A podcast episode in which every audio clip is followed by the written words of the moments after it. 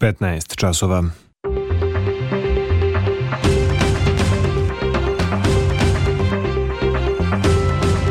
Radio Novi Sad. Novosti. Dobar dan, poštovani slušalci, ja sam Aleksandar Grujić. Ja sam Nikola Rausavljević. I sadržaj emisije. Vanredna sednica Saveta bezbednosti o stanju na Kosovu i Metohiji, na kojoj će Srbiju zastupati predsednik Aleksandar Vučić, bit će održana u 21 sat i bit će otvorena za javnost. Poslanici u Evropskom parlamentu izglasali rezoluciju u kojoj se traži nezavisna međunarodna istraga o izborima u Srbiji, kao i da se finansijska pomoć Evropske unije uslovi popravljanjem izbornih uslova. Izrael odbacio predlog Hamasa za prekid vatre. Američki vrhovni sud razmatra da li da Donaldu Trumpu zabrani učešće na predsedničkim izborima. Ženska košarkaška reprezentacija u Brazilu na kvalifikacionom turniru za olimpijske igre. U Vojvodini do kraja dana uglavnom vedro i toplo, sutra od podneva na oblačenje, uveče moguća slaba kiša, temperatura do 22 stepena. Prema posljednjim merenjima u Novom Sadu je 18. Vanreda sednica Saveta bezbednosti Ujedinjenih nacija o stanju na Kosovo i Metohiji biće održana od 21 sat po našem vremenu. Sednica je zakazana na zahtev Srbije, a na njoj će se obratiti predsednik Aleksandar Vučić. Pripremila Vesna Balta.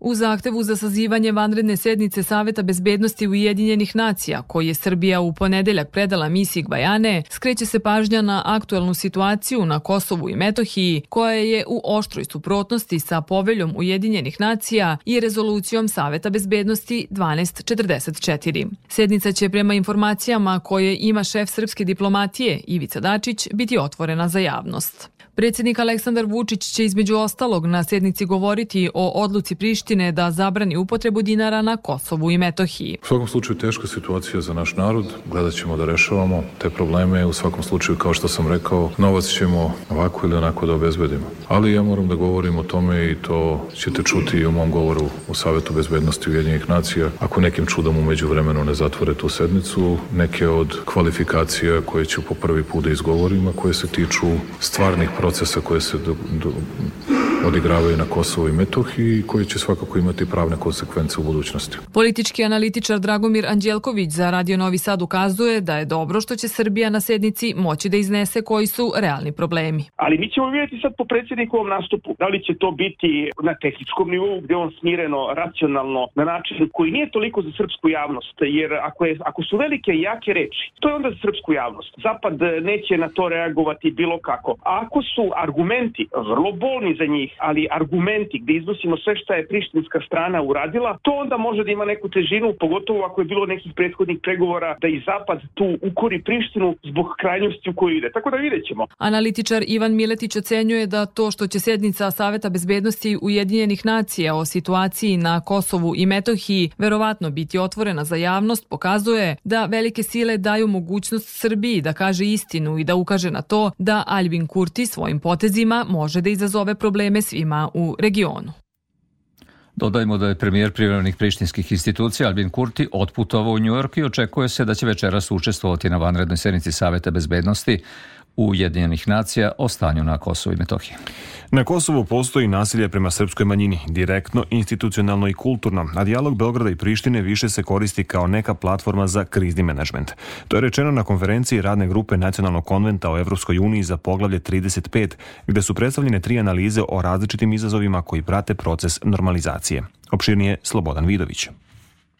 Većina napada na pripadnike manjinskih zajednica koje su se desile prošle godine u centralnoj Srbiji na Kosovu i Metohiji nije procesuirana i niko zbog toga nije odgovarao. Marko Milosavljević iz inicijative Mladih za ljudska prava kaže da istraživanjem obuhvaćeno direktno nasilje, ali i strukturalno koje su vršile institucije, kao što je zabrana uvoza robe iz centralne Srbije, ekspropriacija zemljišta građana srpske nacionalnosti, odnos prema Srpskoj pravoslavnoj crkvi, ali i nerešeni napadi na po povratnike i paljenje njihove imovine. Ono što je e, važno napomenuti da tu nismo imali adekvatnu reakciju tužilaštva i policije i to pokazuje e, odnos institucija Kosova prema srpskoj zajednici. Istovremeno, kaže Milosavljević, zabeleženo i nasilje u Srbiji prema Albancima od zadržavanja na granici preko zloupotrebe pasivizacije adresa do govora mržnje prema njima koji sprovode mediji i pojedini predstavnici vlasti.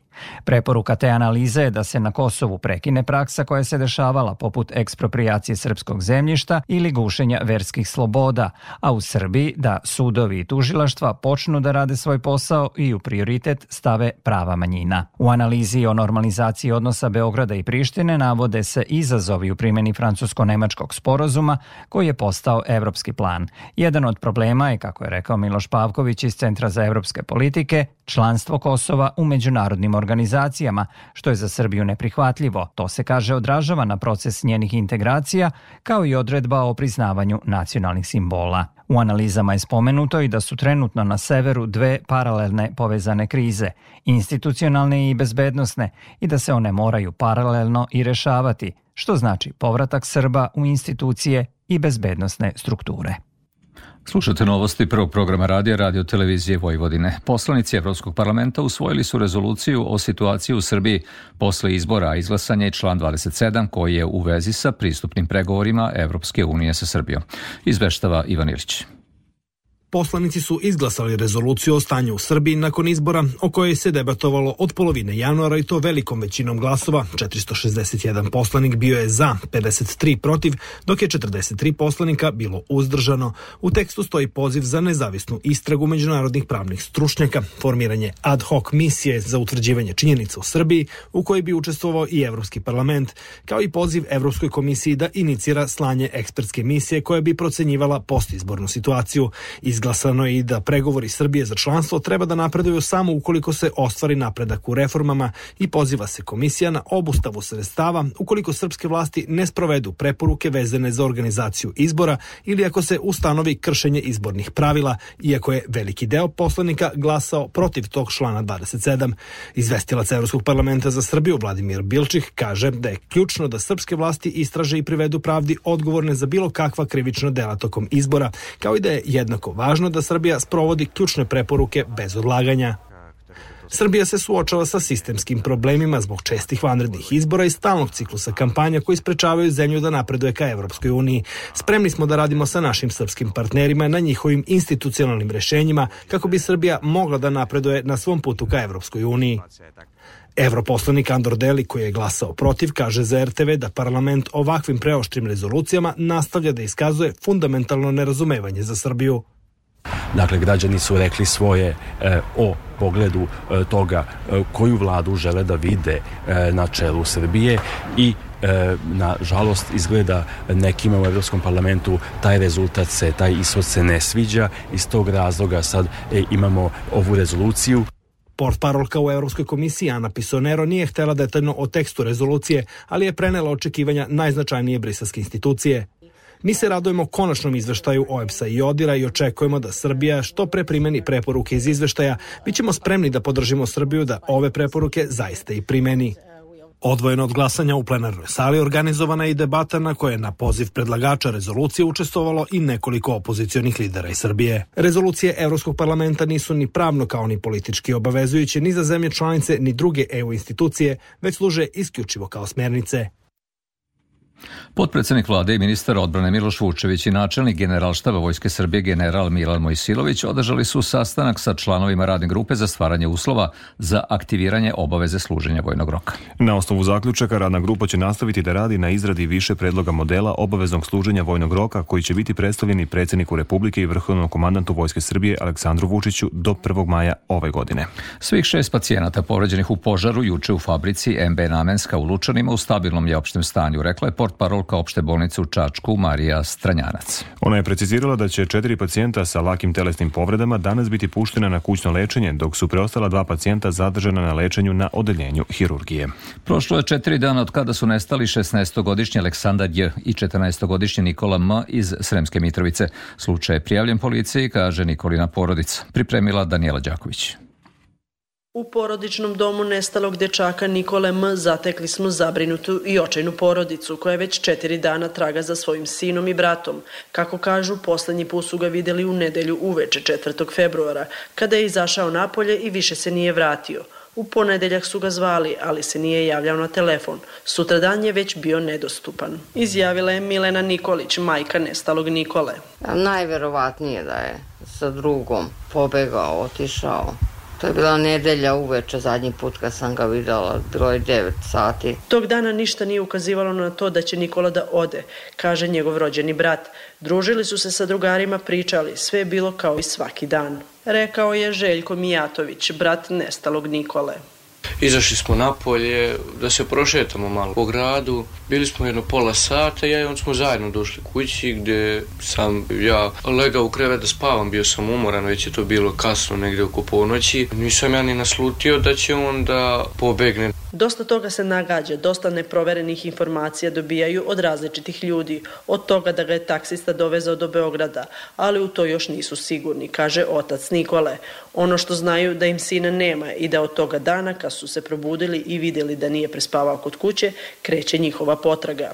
Istagao je Miodrag Mijatović, otac nestalog Nikole. I onda smo otišli u policiju prijavili nestanak. Međutim, tamo smo sreli od njegovog druga Ujnu, koja je došla isto u policiju da ga traži, ono, povezali smo da su zajedno otišli, pošto se druže i prethodno veče bili su ovde zajedno kod nas u stanu.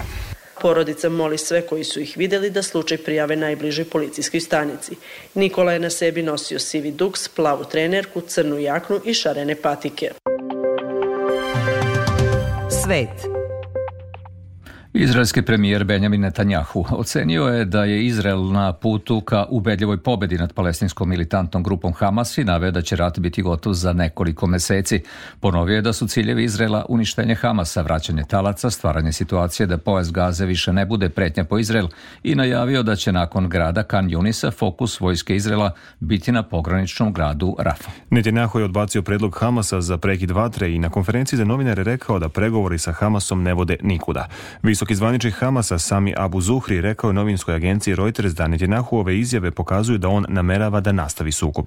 Nova runda pregovora uz posledovanje Egipta i Katara trebalo bi da bude održana danas u Kairu. Šef humanitarne organizacije Ujedinih nacija Martin Griffiths izjavio je da je izuzetno zabrinut zbog planova izraelske vojske da proširi ratne akcije na pogranični grad Rafu, gde je interno raseljeni palestinski civili žive u izuzetno teškim uslovima i nemaju gde da se sklone. On je predočio da je više od polovine stanovništva Gaze sada u Rafih, gradu u kojem je prethodno živjelo samo 250.000 stanovnika na samom pragu Egipta. Ti ljudi suočeni su sa glađu i bolestima, rekao je Grifici i upozorio da potencijalne borbe u Rafi prete da oduzmu još više života. Snage centralne komande američkih oružanih snaga napale su dve protivbrodske krstareće rakete jemenskih Huta spremne za lansiranje na mete u Crvenom moru, a Nemačka je poslala fregatu opremljenu radarima koji mogu da otkriju ciljeve na dometu do 400 km i raketama za obaranje ciljeva da se pridruži misiji mornarice Evropske unije na zaštiti trgovačkih brodova od napada Huta. Komandant Nemačke mornarice, viceadmiral Jan Christian Kak, istakao je da je situacija u Crvenom moru već izazvala probleme u stamdevanju i primorala pojedina preduzeća da obustave svoju proizvodnju, napomenuši da više od 90% robe dolazi morskim putem od Evrope i Nemačke. Rusija je tokom noći napala Ukrajinu sa 17 jurišnih dronova, od kojih je 11 uništeno u Mikolajevskoj, Odeskoj, Vinjičkoj i Dnjetnopetrovskoj oblasti, saopštila je ukrajinska Britanska vojska. U napadu ruskih dronova na Odesu nije bilo žrtava, ali je oštećena civilna infrastruktura. Ruska vojska oborila je tokom noći ukrajinski dron iznad Krima, saopštilo je Ministarstvo odbrane. U Donjeckoj oblasti Ukrajine u noćnom granatiranju Selidovog jedna osoba je poginula, a sedam je povređeno, među njima i dete, naveo je načelnik Donjecke vojne oblasti. Vrhovni sud Sjedinjenih američkih država razmatraće da li bivšem američkom predsedniku Donaldu Trumpu treba zabraniti da se kandiduje za predsednika. Sudije Vrhovnog suda treba da odluče žalbi tužbi Trumpovih advokata kojom se traži poništenje odluke suda u Koloradu da mu se u toj državi zabrani kandidovanje za predsjednika zbog navodnog organizovanja pobune svojih pristalice na Kapitolu 6. januara 2021. godine. Odluka Vrhovnog suda o pitanju podobnosti Trumpa da se kandiduje bila bi obavezujuća za celu zemlju. Postoji pritisak da Vrhovni sud odluku donese pre 5. marta, kada bi birači u 15 država, uključujući Kolorado, trebalo da glasaju na republikanskim predizborima. O izborima i u Rusiji Centralna izborna komisija odobrila odbila, odbila je da odobri kandidaturu Borisu Nadeždinu iz opozicione partije građanske inicijative za predstojeće ruske predsedničke izbore u martu zbog nedovoljnog broja važećih potpisa podrške, na šta je Nadeždin uzvratio najavom da će uložiti žalbu Ruskom vrhovnom sudu, tvrdeći da je prikupio više od 200.000 potpisa širom Rusije. Nadeždin, miljenik onih Rusa koji se protive ruskoj specijalnoj vojnoj operaciji u Ukrajini, kao kandidat kog je predložila politička partija, treba da se sakupi 100.000 potpisa podrške u najmanje 40 regiona regiona da bi mogao da se kandiduje na izborima koji će biti održani od 15. do 17. marta. Putin mora da prikupi tri puta više glasova jer se kandidovao kao nezavisni, a ne kandidat vladajuće partije Jedinstvena Rusija, a njegove pristalice kažu da je već prikupio više od 3,5 miliona potpisa. Intervju poznatog američkog novinara Takera Carlsona sa Vladimirom Putinom biće dostupan u ponoć po srednjeevropskom vremenu. Carlson koji je u Moskvi intervjuisao ruskog predsednika Vladimira Putina otputovao iz Rusije letom preko Beograda. Zbog Zbog intervjua sa Putinom, Evropska unija bi mogla da uvede sankcije Carlsonu, objavio je Newsweek. Američki milijarder Elon Musk ocenio je da bi to bila uvreda za američku javnost. Ministarka nauke, tehnološkog razvoja i inovacija dr. Jelena Begović, koja je u delegaciji Republike Srbije i boravi u radnoj poseti Sjedinim američkim državama, sastala se u Njujorku sa predstavnicima Univerziteta Kolumbija. Upoznala se o naučno-istraživačkom radu jednog od najprestižnijih američkih univerziteta i predstavila naš projekat Bio 4 kampus. Sam podatak da Kolumbija ima godišnji budžet od više od milijardu dolara dovoljno govori o kakvom se moćnom naučnom sistemu radi, koji veoma uspešno naučna otkrića pretvara u konkretne proizvode i usluge, naglasila je Jelena Begović. Predstavili smo bio četiri kampus i moram da priznam da su naravno e, kao i svuda ljudi iznenađeni jer ne očekuju nešto tako da se dešava na Balkanskom poluostrvu, da se dešava u Srbiji. I pokušali smo da saznamo e, šta je to što možemo da uradimo i da unapredimo već ovu samu ideju bio četiri kampusa, posebno u sferi transfera tehnologije i u sferi saradnje između akademije i E, industrije. Izvršni odbor Narodne banke Srbije odlučio da referentnu kamatnu stopu zadrži na nivou od 6,5%. Na nepromenjenim nivoima zadržane su i kamatne stope na depozitne od 5,25% i kreditne olakšice od 7,75%. Odluku izvršnog odbora o zadržavanju kamatne stope na nepromenjenom nivou opredelilo je dalje smanjenje globalnih inflatornih pritisaka kao ispostavljena opadajuća putanja domaće inflacije i njen očekivan povratak u granice cilja sredinom ove godine. Republički zavod za statistiku nedavno je objavio prve rezultate prošlogodišnjeg popisa poljoprivrede. Upoređujući sa prethodnom anketom od pre pet godina gotovo svi proizvodni parametri su u padu. O tome Đorđe Simović. Nakon sprovođena popisa poljoprivrede 2012. godine i ankete o strukturi poljoprivrednih gazdinstava 2018.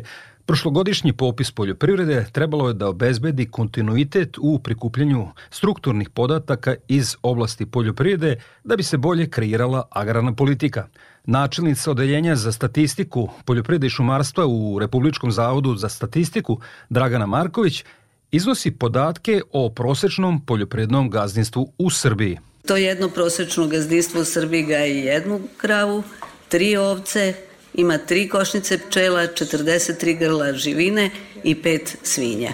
Prosečno poljoprivredno gazdinstvo može da podmiri sobstvene potrebe, ali ne i da bude robni proizvođač – a i kako bi kada je prosečna starost nosioca porodičnog poljoprivrednog gazdinstva 60 godina, a tek svaki 11. je mlađi od 40 godina. Agrani analitičar Žarko Galetin kaže da su profesionalci znali da su nam proizvodni parametri u padu, ali nije očekivao ovako loše rezultate da imate pad broja gazdinstava, da imate pad e, poljoprivrednog zemljišta za 21%. Gde je otišlo to zemljište? Prosto neverovatno. Pa kada konstatujemo da, da, da imamo pad 20% uslovnih grla u odnosu na pre samo 5 godina, pazite, to je samo 5 godina, onda ne treba da se čudimo što smo mi od neto izlaznika postali uvoznici svinskog mesa, nekih 45.000 tona, da uvozimo, smo uvezli oko 300.000 komada živih svinja, da uvozimo goveđe meso, da uvozimo mleko. U popisu poljoprivrede Srbije uloženi su veliki trud, ali i novac. Od 1. oktobra do 15. decembra prošle godine u anketiranju poljoprivrednika učestvovalo je bezmalo 300 opštinskih koordinatora i 3000 popisivača koji su posetili 750.000 gazdinstava koji se bave nekim oblikom poljoprivrede. Sport. Ženska košarkaška reprezentacija Srbije nalazi se u brazilskom gradu Belemu, gde će do kraja sedmice odigrati tri kvalifikacione utakmice za olimpijske igre u Parizu. Prvi protivnik je Nemačka večeras od 21 sat. Naša reprezentacija je pored Nemačke u grupi još sa Australijom i Brazilom, a najbolje tri selekcije iz grupe plasiraće se na olimpijske igre. Večeras se igraju mečevi 26. kola Evrolige, a Partizan nakon četiri poraza u svim takmičenjima dočekuje Bayern.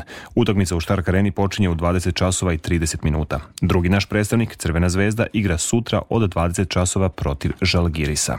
I jedno podsjećanje na ovaj dan pre tačno 40 godina paljenjem olimpijskog plamena u Sarajevu na stadionu Asim Ferhatović Hase, popularnom Koševu, otvorene su 14. zimske olimpijske igre, prvi takav događaj održan u nekoj komunističkoj državi kakva je bila tadašnja Jugoslavija. Govor na otvaranju igara u ime jugoslovenskih sportista održao je slovenački skijaš Bojan Križaj, a olimpijsku baglju na stadion je donela i upalila olimpijski plamen najbolja jugoslovenska klizačica tenisa Sanda Dubravčić. Jugoslovenski heroj bio je Jure Franko, 21-godišnji skijaš iz Nove Gorice, koji je drugim mestom u Veleslalomu osvojio prvu medalju na zimskoj olimpijadi za tadašnju zajedničku državu.